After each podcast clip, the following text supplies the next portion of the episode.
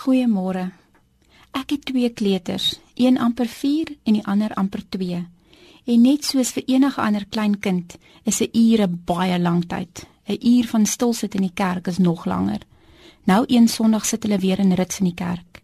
Ek het rosyne uitgedeel en koeldrank en later ook groot oë gemaak, maar die uur wil nie omgaan nie. Nog later is ons deur 'n hele stapel onheilige kinderverhale met hekse en fietjies en wie weet wat nog.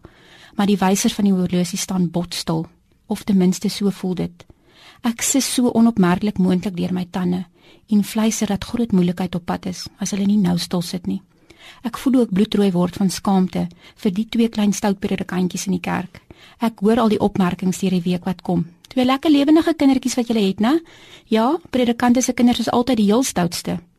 En toe besef ek net daar in die agterste ry van die kerk, hierdie is my issue en nie my kinders se nie. Ek wil graag goed lyk of my kinders laat goed lyk en dit is onnodig. Hulle is net doodgewone normale kleuters en 99% van die mense in die kerk verstaan dit want hulle was ook lank gelede in die agterste bank met kleuters of hulle sit langs my en maak ook groot oog vir hulle kleuters.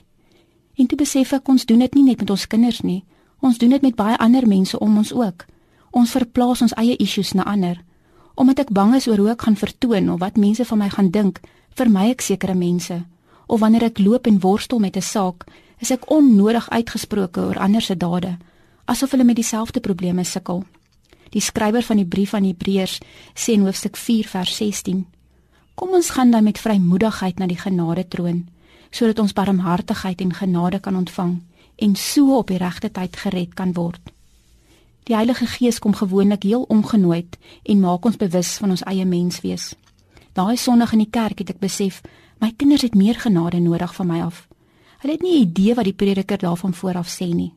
Al wat hulle gaan wegneem van hierdie erediens is hoe hulle gevoel het of dalk meer eerlik hoe ek hulle laat voel het. En net daar het ek ontspan. Hulle breek mos nie die plek af nie en hulle is doodstil, net 'n bietjie woelig. Ek knip oog vir my seun en hy glimlag verlig. Ek is baie lief vir jou mamma, fluister hy en gee my 'n drukkie. Hoe voel mense in my teenwoordigheid? Wat neem hulle saam met hulle as hulle van my af wegstap? Is dit genade of is dit oordeel? Kyk ek kwaai oog na die wêreld en sy mense of knipoog ek met 'n glimlag?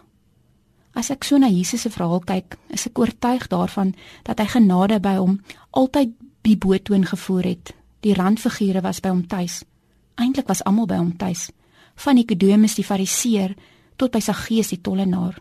En heel laas die kindertjies wat hy uitgenooi het om na hom te kom wat hierdie ou wêreld van ons nodig het, is minder kwaai oog Christene en meer genadige Jesusvolgelinge wat mense met vrymoedigheid uitnooi na die genade troon. Here help my om meer genade te betoon. Amen.